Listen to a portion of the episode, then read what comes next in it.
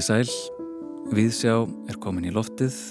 Tómas Ævar Ólafsson hilsar ykkur á getur hlustendur hérna úr hljóðstofu 5 í efstaleitinu mánudaginn 22. januar. Viðsjá hefst hér á læginu Water úr smiðju bandaríska trómuleikarins Alison Miller en hún gaf á síðasta ári út plötuna Rivers in Our Veins en svo platta dregur innblástur frá Vats farvegum Norður Ameríku. Á dasgrá þáttar í dag Frelsi ljóðstafur Jónsúr Vör og Molta. Molta er þverfagleg og lifandi innsetning þar sem dans, hljóð, matagerð og margt fleira kemur saman. Molta verður í gerðasafni í Kópavogi frá 50 dagi og hægt verður að njóta hennar á opnunartíma sapsins en einnig verða sérstakar síningar sem síndar verða að kvöldi til eftir að hefðbundnum opnunartíma líkur fjórum sinnum á næstu vikum. Við hittum Rósu Ómarsdóttur höfund moltu í þætti dagsins og heyrum af rótum, rótnun, bakterjum og umróti ímiskonar. Freyja Þórsdóttir verður einnig með okkur í þættinum en í dag fjallar hún um mismunandi gerðir af frelsi. Í því samhengi veltir hún meðal annars fyrir sér ólíkum áhrifum listarinnar og auðlýsinga á andlega velferð. En við hefjum þáttinn á ljóði.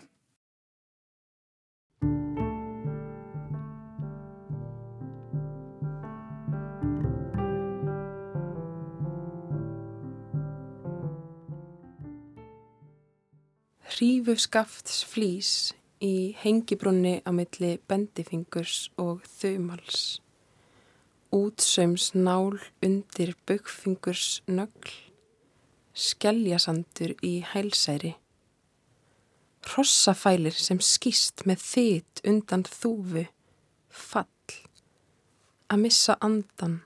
Sortna fyrir augum í lingi. Sælan er skortur á öllu nema tíma til verkja. Hamingjan er sigg.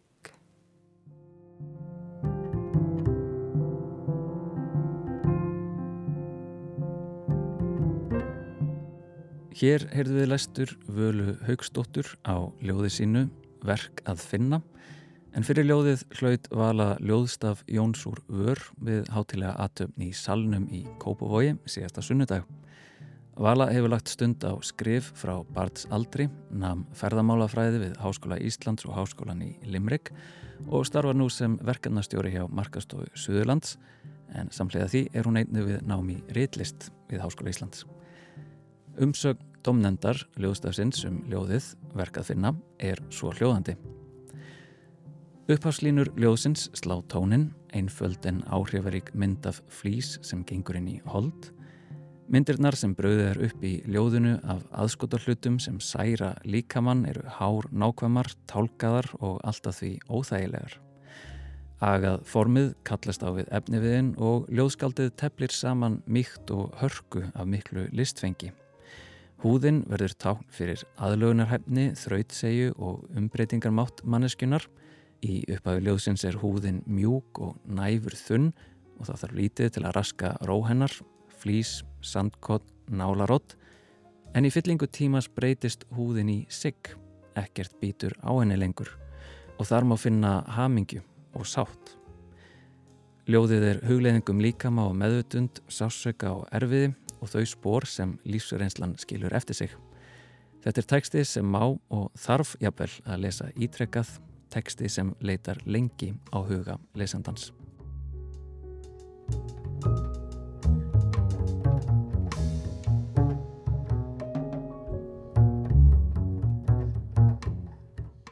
Vala Haugstóttir, velkomin í Viðsjá og til hamingið með ljóðstafin. Takk kærlega fyrir það. Og þetta ljóð, verk að finna, stóra spurningin fyrst, eh, hvernig var það til? Um, ég er rosalega klöfsk og ég er rosalega upptikinn. Það var þeirra til þegar ég, það var eitthvað kvöldi sem ég var bara eitthvað að velta fyrir mér hvernig ég hafi fengið alltaf skrámyndnar og, og marblettina sem voru á mér á því augnabliki og ég fór að hugsa hvaða væri í rauninni mikil sæla að geta gefið sér tíma til þess að stoppa í hvert sinn sem maður rekur sér í eða meiðir sig og bara svona dvelja eins í sársökanum og leifa hann bara eiga sinn stað í tilverunni. Svona fyrir að bara rista það af sér og halda áfram með daginn og muna svo ekkert hvað gerðist í lókdags Já, þetta er einmitt svona fínar myndir af uh, litlum já, skurðum eða særindum um, sem stækka síðan einhvern veginn hið stóra samhengi. Þetta mikið dýnamíst mótvegi held ég að uh, orðið sé. En uh, það er líka tilfinning í ljóðinu um að sagt, hvert orð sé svolítið komið á sinn stað.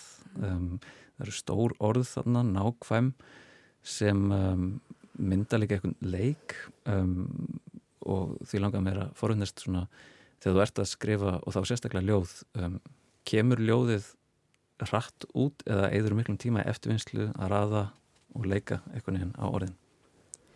Fyrst kemur það mjög rætt út alveg bara guppast út um mér. En, uh, en svo er ég lengi að máta og taka út og ég er alveg óhrætt við að eða burt því sem ég hef skrifað.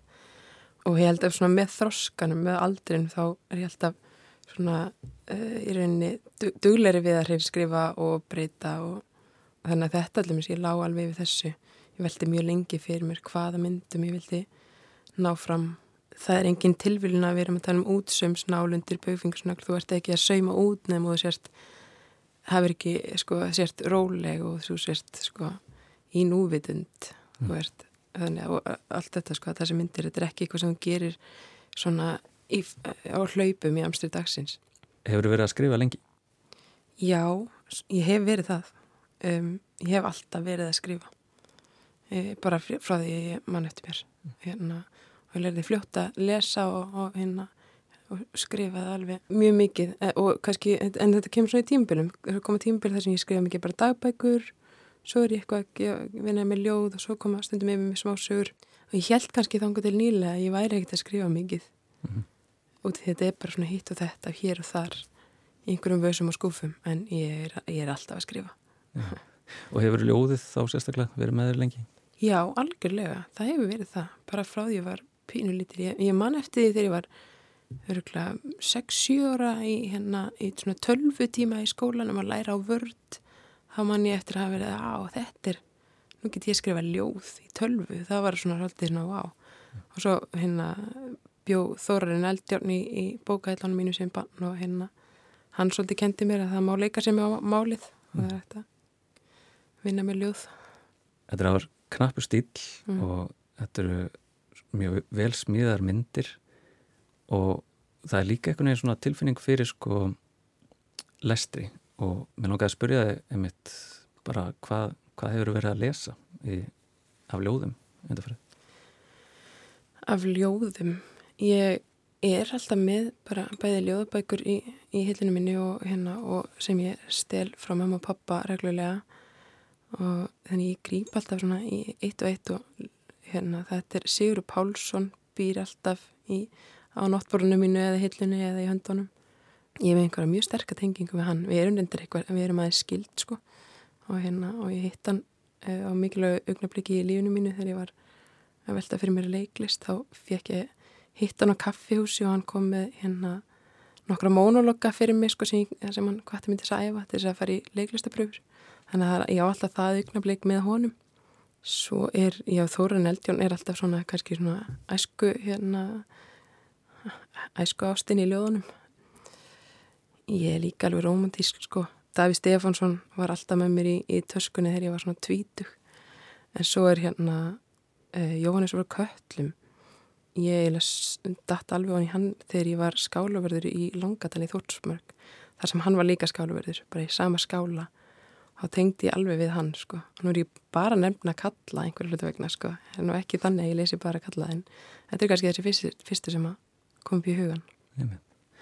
En síðan uh, kemur fram hérna í lýsingu frá uh, úr ljóðstafsreitinu að uh, þú hafur farið í ferðamálafræði en stundur núna náum við reitlist um kannski áratug síðar sérska bát. Um, hvaðan kemur áhugin á ferðamálfræði?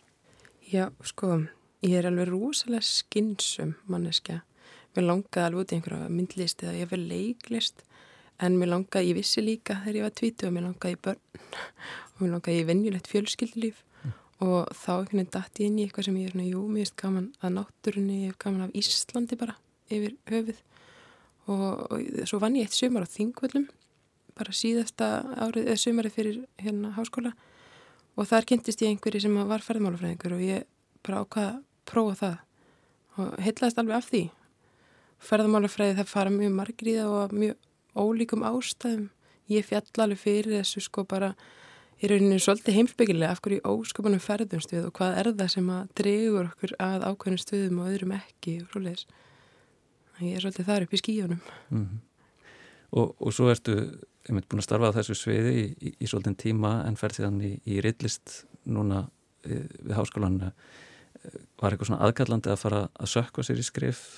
Um, nei, viðstu, ég, ég mér hefur langað í rillist lengi og ég ákvað að sendin umsókn og því ég hugsaði að það er svo erfitt að komast inn það er best að byrja núna svo kemst ég bara inn og ég er með tvö lítil börn og, og mann sem vinnur hérna, mikið erlendis og, og, og ég vinnu og ég, ég hugsaði bara samt, ég verð bara, ég verð að grípa þetta tækifæri, þetta er eitthvað, þetta er einhver skilabóð og það er bara margborgað sig sko, þetta var, þetta var klárlega það sem ég átti að gera nú næst sko. Mm -hmm.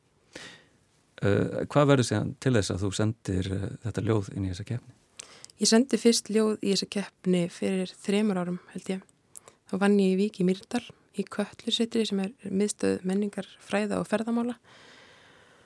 Ég, ég bara vissi, vissi af þessari keppni og hugsaði, æ, hérna, þetta er nafnlaust, fínt að hérna, ég skrifi hvað ljóð og sendi þetta inn og það er svona ákveðin bara svona hvað þetta er þess að koma svo út í skuffinni og svo fannst mér það svo gaman að ég gerði það aftur árið eftir það og, og svo gerði ég það núna. En, en ég held að það að ég hafi sendt ljóði í þessu keppni fyrir þrjumur árum hafi svolítið opna fyrir mér að ég eigi kannski að hætta að lifa í skúfinni sko og hafi kannski opna fyrir mér bara, bara þann möguleika í huganum að ég gæti líka sótt um í reyðlist.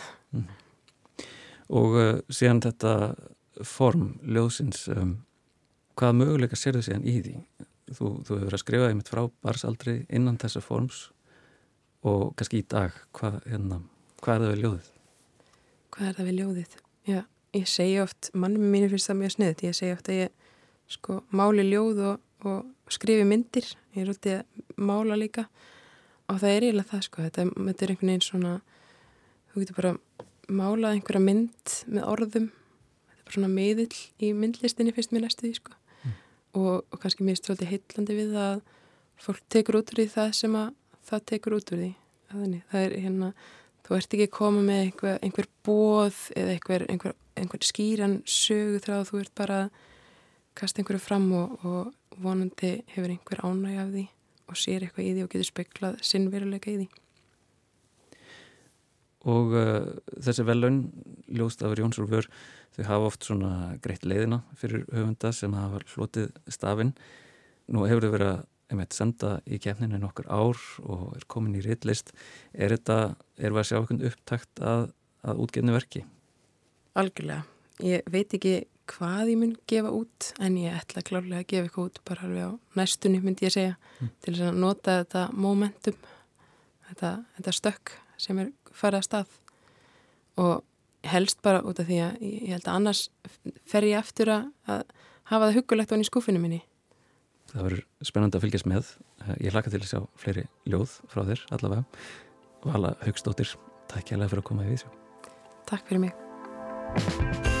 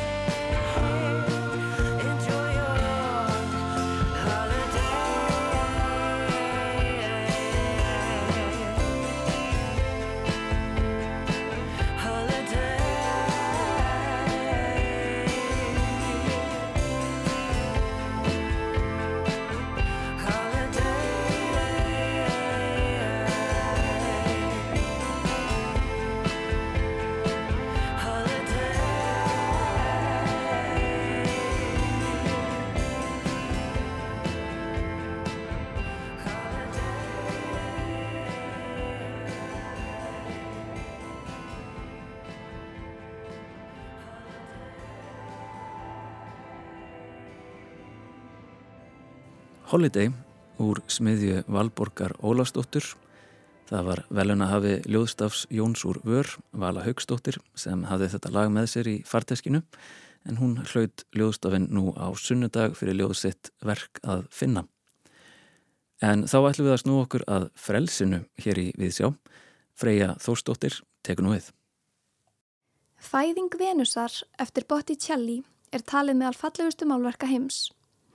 Myndefnið er fengið úr góðsögnum Venus, getið ástar, frjósimi og fegurðar sem á að hafa sprotti fullsköpuð upp úr freyðandi sjó. Verkið sínir Venus nýreistna upp úr sæfrúðinni.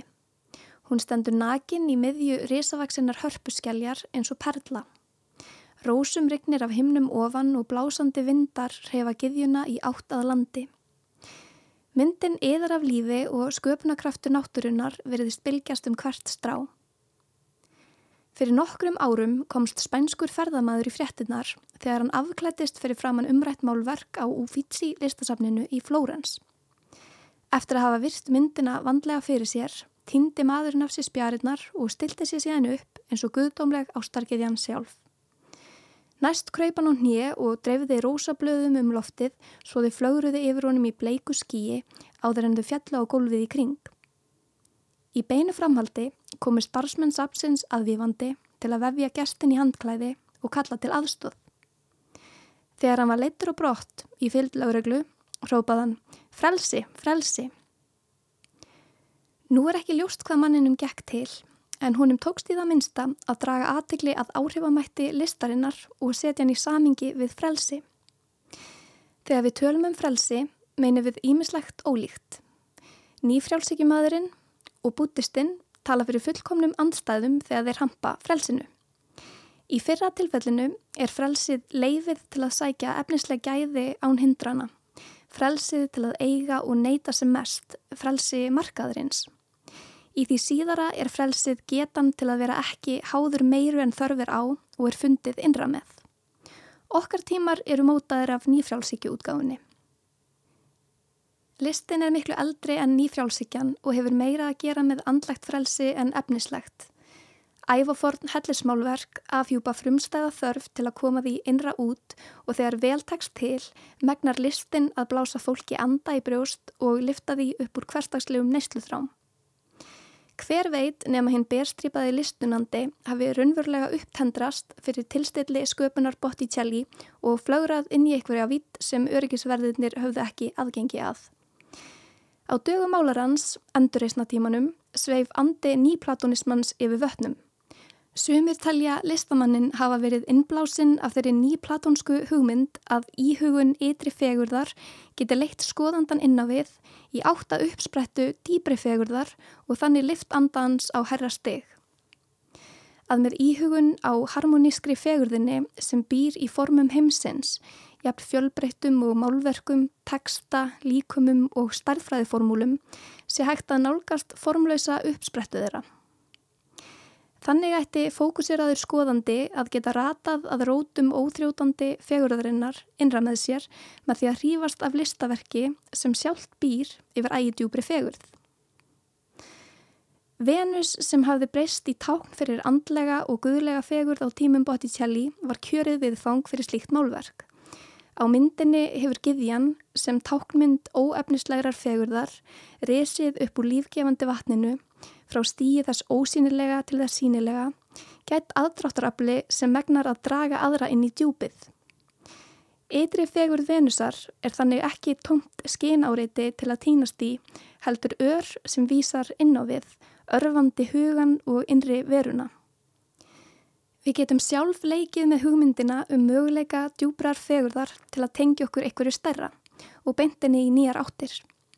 Getum íhugað hvaðan frískleg pottaplanta í glugga, tegjandi sig í áttadagsljósinu, fær letir sína og áferð.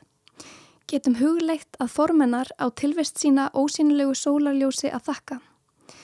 Með því að veita því fulla aðtegli og nota svo hugan til að tengjast kosmískara saminginu fljúa upp í heiminin og skoða hvaðan lífsorka hinn að fáru forma flæðir, breytist tilfinningin fyrir fegurð heimsins almennt. Fegurðin er ekki bara eitthvað fyrir auga þegar hún er ósvegin. Hún veku til umhugsunar og hún veku veljiðan. Rannsóknir hafa sínt að lifandi plöntur hafa djúbstæðari jákvæð áhrif á andlega líðan en fjöldaframleitt gerfiblóm. Að samaskapi bæta grænsvæði í borgum geðheilbreyði ólíkt gráma steinsteipunar.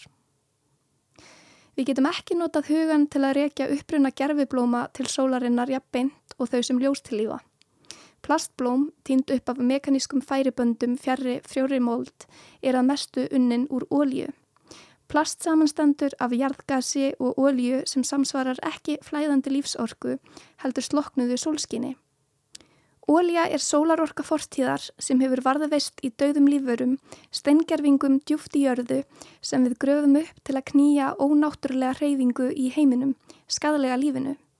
Orka sem leiðir ekki inn í framtíðana líkari örfandi efni sem lengir djammið en næringarefnum sem styrkja bein og hjarta yfir lengri tíma. Það er eins og lífleiki náttúrunar hjálp okkur að finna lífleikan sem býr innra með okkur. Eins og sá hluti okkar sem er náttúra vakni til vitundar um sjálfan sig í hennar návist. Þrói með sér heimþrá þegar hann týnist of lengi innan um bílastæði og ljósastöra. Upplifi eins konar heimkomu í lyktinni af byrki eða bláalitnum í gleimirei. Fegur sem er ekki bara yfirborðslega getur þannig hreift við innralífinu á sérstakann hátt. Þetta á bæði við í samingi lífsins og listarinnar. Þegar vel tekst til nær sköpun okkar eins og náttúrunar að tengja okkur eigin dýft. Hún áða til að tengja bæði listamannin og þann sem verður fyrir áhrifum af listinni dularfyllri hliðum veruleikans. Þannig strögglar skapandi fólk stundum við að útskýra hvað hefur gerst í sköpunafærlinu eitthvað hafi flætt í gegnum það sem það get ekki fyllilega útskýrt. Listrann sköpun krefst þess hálfpartinn að við trúum á eitthvað óskiljanlegt, að við ráfum í myrkrinu og hlustum viljandi eftir finlegu kvísli listagiðjunar með innsæinu. Eplatré tekur stöðut við sólarorku og framleiðir ávexti sína í náttúrulegu flæði án þess að hugsa. Blóm spretta fram á greinunum og laða að sér vangjaða frjóbera sem hjálpa til við að umbreyta blómunum í epli. Við höfum hins vegar valum að hundsa eigin sköpunarkraft og loka á innblástur. En þegar við erum ótækileg getum við, eins og plöntunar, stunda ljóstilífun og tekið við frjókurnum. Við getum framleitt fegurð úr að því er veriðist engu, búið til aðlandi form úr ljósi, verið sjálfstæðir frumframleðendur í fæðukæðju nema af sálrætni toga.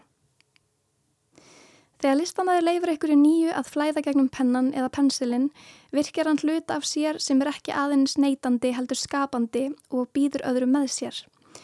Sköpunarverk okkar bjóð okkur að staldra við og melda eitthvað annað en efnislega neysluvarning. Vera sálrænir þáttakendur í lífinu.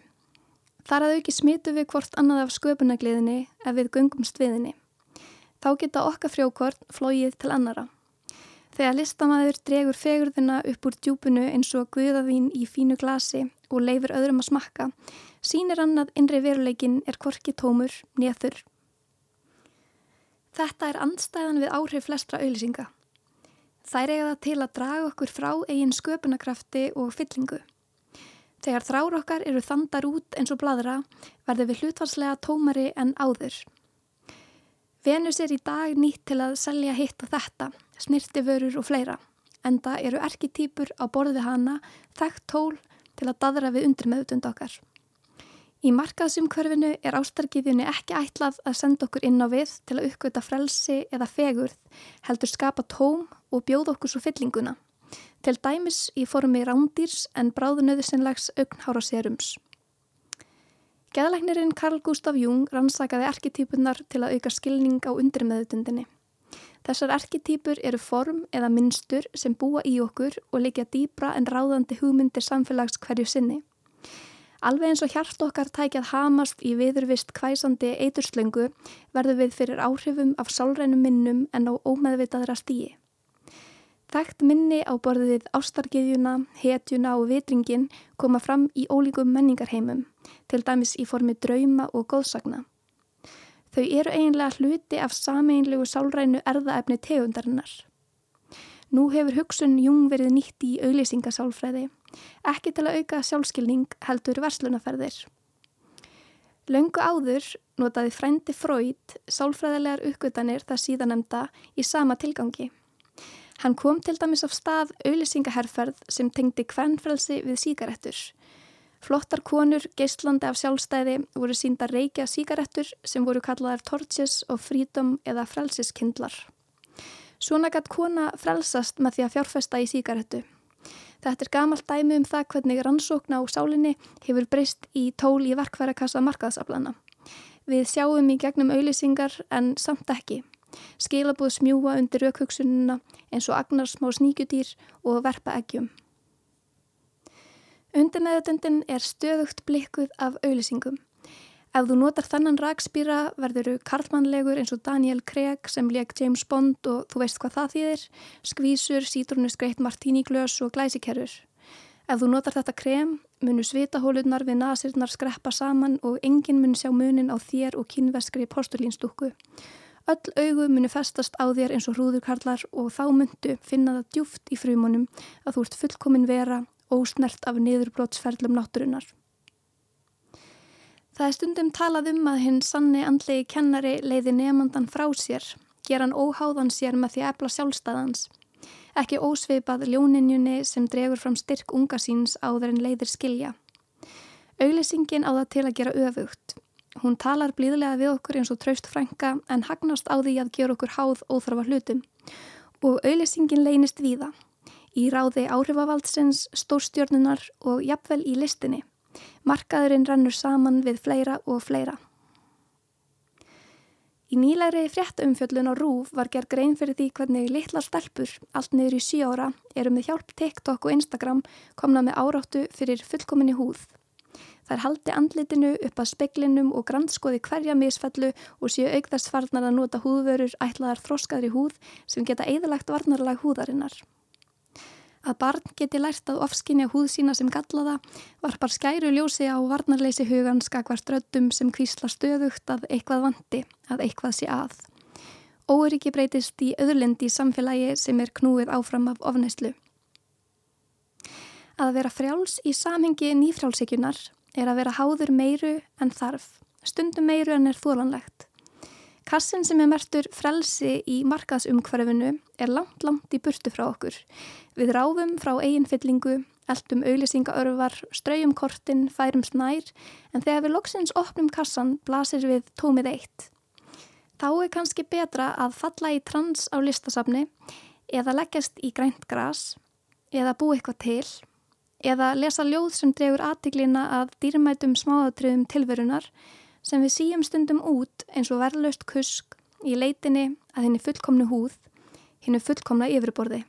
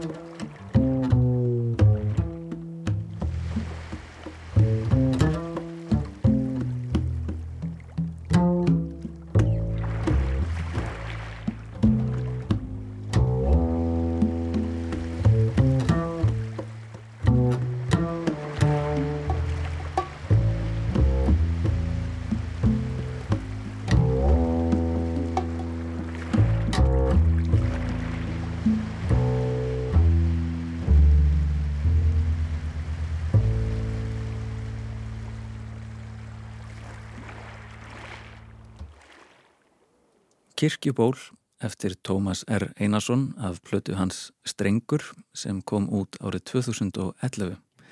Þar á undan flutti Freyja Þóstóttir hér hugleðingu um frelsið.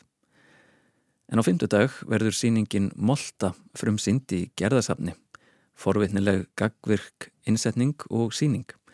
Á opnunatíma sapsins geta síningagestir gengið frjálslega um innsetninguna, dvalið í henni og haft gagvirt áhrif á hana, En eftirlókun á sérstaklega auðlistum kvöldum mun eiga sér stað leifandi síning yfir heilt kvöld.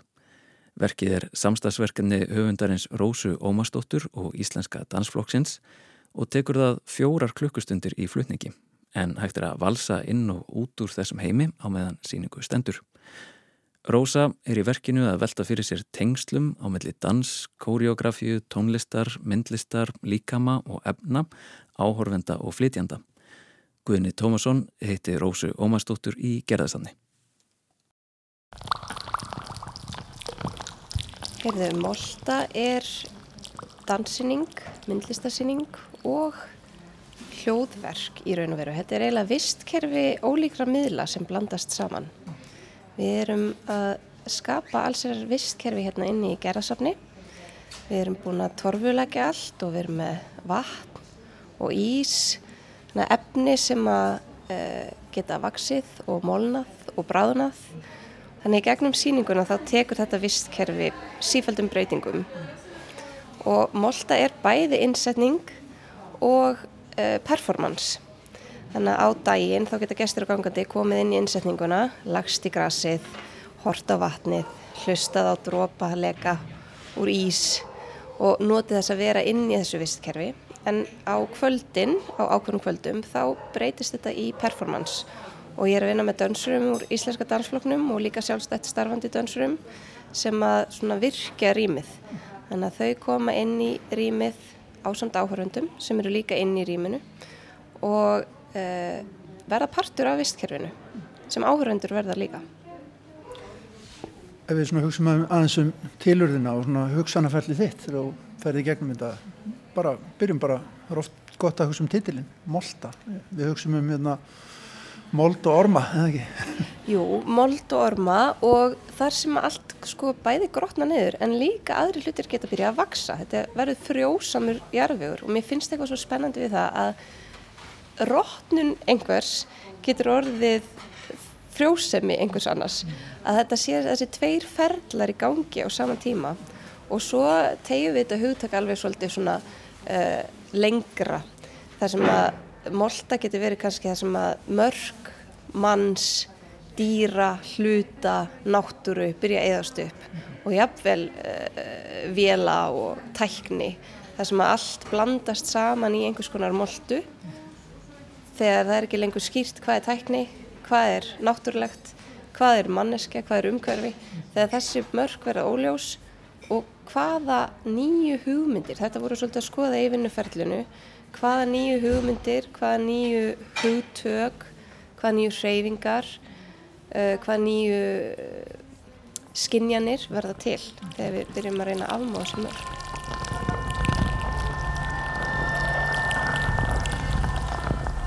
Ég var líka inspírað af því öllum þessum fréttum sem berast af plastögnum að finnast í líkama mannsins og við erum nú þegar einhvern veginn að morfast með umhverfunu og höfum kannski alltaf verið að gera það og það er svona sem við erum svolítið að skoða bæði í hreyfingu og líka í sviðismynd og hvernig við vinnum með hljóð. Sko hvaðan svona rekur þessa sköpun til einhvers eins augnabliks? Er þetta eitthvað svona, af því að þetta er svo stór hugmyndaheimur, jú, þú talar um, um, um þetta, rótnun og endurfæðing og allt það, en, en svona er eitthvað í þín lífi sem að gerist til þess að, hérna, að verður til þess að þú vilt fara út í þetta? Hmm, góð spurning. Ég hef búin að vera í þessu frekar lengi.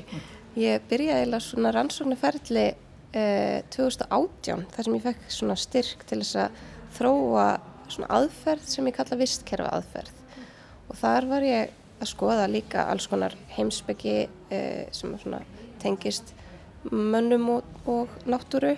Og til dæmis Donna Haraway það er hún sem tala mikið um moltuna. Það kemur svolítið, við erum svolítið innblásinn frá því. Uh, og það er nú kannski ekkert eitt augnablík hjá mér, ég held að bara svona síðustu ára hefur verið svolítið upptökinn við þetta og, og þá tek ég eftir því í svona uh, já, í umhverfinu og í líf, daglegu lífinu þar sem þessi mörg eru óljós og það svona er eitthvað sem maður heila mig. Þegar maður komið með einhver ákveðin gleru á sig þá, þá svona sér maður heiminn bara gegnum það linsur, ekki það? Jú, algjörlega og það er svolítið skemmtilegt líka, ég tek mikið eftir einmitt svona fréttum af þegar, uh, einmitt eins og ég sagði með plastagnirnar en líka þegar hérna það var nýja sjálandi sem að áfekk hérna mannréttindi mm. Af því að það voru einhverju sem trúði því að hún hefði sál og það var hægt að nýta það í aktivisma og við hérna á Íslandi gerum í raun og veru svolítið svipað með álvana við höfum notað það til þess að að koma í veg fyrir byggingu vega og alls konar, að trú á einhvers konar anda og veist, það er alls konar svona sem að heillar mig. Þar sem við erum ekki, þessi mörgmilli mannesku og umhverfis er ekkert svo skýr. Nú er þetta hansi stórt verkefni, það er margir aðalega sem kom að þessu og það er kannski líka fleiri vittir er það ekki, Manna, það blandast inn í þetta matagerð og allt mögulegt, segð okkur aðeins nána frá þessu. Já, ég, hérna, uh, mér var sagt frá því sagt, að það væri kokkur sem væri að vinna mjög mikið með bakterjur í umhverfinu og þetta heitlaði mig mikið þannig að ég hafi samband við hann og spurði hvort hann vildi ekki bara vera með af því að ég vil mikið vinna með öll skinnfærin og, og matur var eitthvað sem mér fannst spennandi. Við þekkjum öll þetta dinner and a show svolítið, það er svona gamalt hugtak að, að svolítið brjóta upp á það format. Hvernig kemur matur inn í síningu ef að hlýin eru á, á þú ræður í þessar síningu hvenar þú tekur þér hlið og taka þér eins mörg hlið og eins laung hlið og vilt og ekkert hlið þú vilt. En það er svona matur í bóði og hvernig er þá að borða þennan mat meðan uh, þú horfur á síninguna eða milli og hvernig hefur það áhrif á líka fram, uh, hvernig hann framreiðir það uh, verður svona í einhverju speklun við síninguna og já, þannig að við erum líka búin að vera að taka bakterjur úr líkamum dansarana og nota það til að bruka bjór Já, þetta var ég hans mún að heyra sko. Nú þarf ég að fá ná, nánar, nánari útskýringu. Það er nú bara svona eh, eins og súr er gerður í brauð og þannig þá er bakterjur geta náttúrulega, við, við hugsaum alltaf að bakterjur sé eitthvað neikvægt en bakterjur er náttúrulega bara mjög, þetta heldur okkur á lífi líka og við erum í raun og veru með fleiri bakterjur í líkamannum okkar heldur en okkar eigin frumur. Og bakterjur geta gerjast í alls konar og þær geta dæmis verið notaðir til að gerjast í bjór. Og við tókum bara síni af dönsrunum okay. og svo fekk þetta síni að gerjast og úrvarð eitthvað sem hægt er að nota í bjór mm -hmm. Og er bóðið upp hann hérna í þessu, þessar síningu þá? Já. Já, þú getur svo að drukkið dansarana meðan þú horfir á þá situr við hliðin á þeim, hlustar á þá og getur líka að fundi lyktin á þeim og drukkið þá mm -hmm. Það er svona eins og sé svona einhver heldar já, umbreytingar hugsun mjög svona, svona víð í þessu öllu saman sko erum við kannski of gjörnaði að, þú talar um þetta með bakteríunar að við erum einhvern veginn, við glemum alltaf að setja okkur í samhengi eða ekki, svona, bara í náttúruna. Við erum alltaf, horfum alltaf mikið á okkur utan við hana. Já, ég held að uh, við tölum um að við förum út í náttúruna eins og það sé eitthvað annar staður til að fara á. Mér finnst þetta svo áhugavert. Við erum nú bara náttúrulega inn í, í náttúrunni og við erum líka náttúra og, og mér finnst svona áhugavert að hugsa um hvað er náttúra og til dæmis í þessu vistkerfi sem við erum að gera hérna í gerðarsafni þar er líka tækni partur af vistkerfinu. Þess vegna vil ég kannski frekar tala um vistkerfi að því að við höfum svo mikið svona connotations. Já, tengingar, tengingar já. já, við höfum svo margar tengingar við náttúru. Þannig að já, þetta er svona samblanda af alls konar. En þetta er líka verkefnir það ekki sem að tegja sig út fyrir landstænuna, ég meina það eru erlendi samstagsæðilega, er þetta Er þetta eitthvað sem þú hefur, þú er talað um að þú ert búin að vera upptekina þessu undan, undanfærin ár, er þetta, erum við í einhverju miðju ferli hjá þér sko, er, hefur þetta verið erlendis og er, er að fara áfram með hvernig, hvernig svona er, er molta með bæði hérna framhaldslíf og, og já, eitthvað sem var áður? Já, uh, ég satt, hef gert önnur verk þar sem ég byggja á sömu aðferðum og hef unnið til dæmis með sama tónlistamanni og hef unnið, já, í svona svipum ferlum en í mismundi rýmum. Þannig ég gerði eitt fyrir Black Box sem heitir Spills og þetta er svona svolítið endurspeglun á því nema líka mörguleiti mjög öðruvísi. Og svo ger ég annað verk sem heit Collaborative Contaminations sem er í raun og veru innsetning sem ég hef sínt á í bílakjallara og í listasöfnum og neðanjarðar gömlum vastöngum og alls konar. Viðum lönd? Já, já, já, í Belgiu og Þískalandi og þetta, já, Þessi verk hafa verið synd í Hollandi, Finnlandi, Belgiu, Þísklandi og núna erum við með sagt, belgiska og danska samstafsæðila þannig að þetta verk mun vera synd líka erlendis. Þá mun það líklega vera svolítið öðruvísi en svona byggja á svömu aðferðum.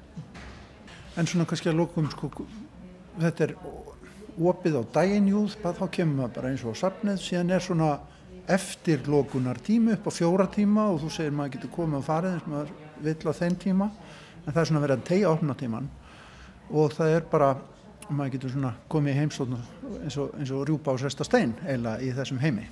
Já, þess að þetta eru ekki dansar í rýminu á opnunatíma sapsins en á þessum auglistu kvöldum þá, tek, þá hefst svona fjagra klukkustundasýning. Mm. Ég mæli með að fólk mæti klukkan 6 og sé frá byrjun en, en fólk getur tekið sér hlið þegar vill og gengi aftur inn og og ég hef alltaf einhvern draumum einhvern veginn líka bara að leggja sér í smástund og hlusta mm -hmm. og koma svo að vakna og, og vakna í öðru vissu umhverfi af því að það breytist mikið á tímanum mm -hmm. eða, já, þannig að þú getur einhvern veginn annarkort ertu inn í rýminu og upplifur breytinguna sem er hægfaraðan og tekur vall eftirni eða ef þú ferð út og kemur aftur inn þá tekur eftir breytingunni. Mm -hmm. þannig að mér er svona gaman að vinna með svona hægfara breytingar sem að maður valla tekur eftir og svo allt inn og fattar maður að maður sé komin í á annan stað í raun og veru.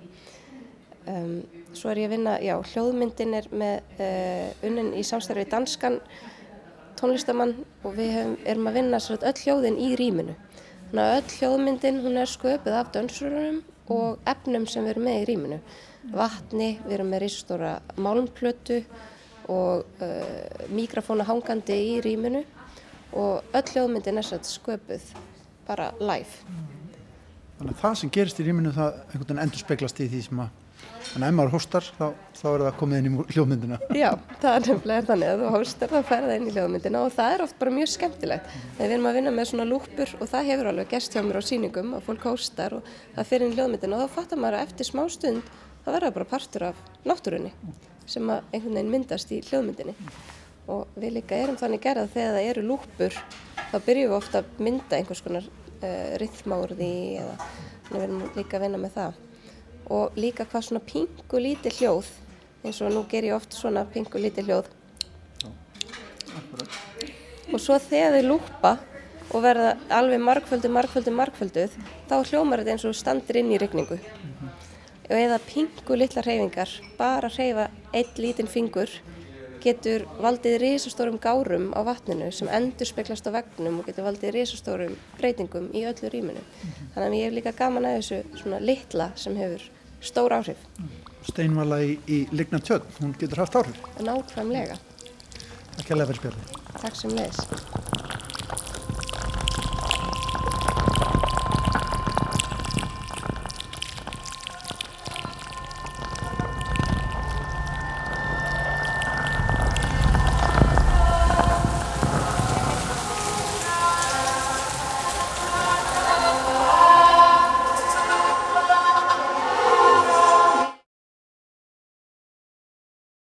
Þarna heyrðu við smá brot úr hljóðheimi Moltu sem er síning og einsendning sem verður í gerðasafni næstu vikurnar. Þarna rætti Guðinni við Rósu Ómarsdóttur, höfundverksins en nánari upplýsingar um Moltu og síningar á verkinum að finna á gerðasapt.is. Þar með komið að lokum þáttar í dag. Við endum þáttin á lægi eftir Róðmar Sigursson sem nefnist Gone Fishing. Við sjá verður hér aftur á morgun og öllum stundum í spilara rúf. Takk fyrir að hlusta og verið sæl.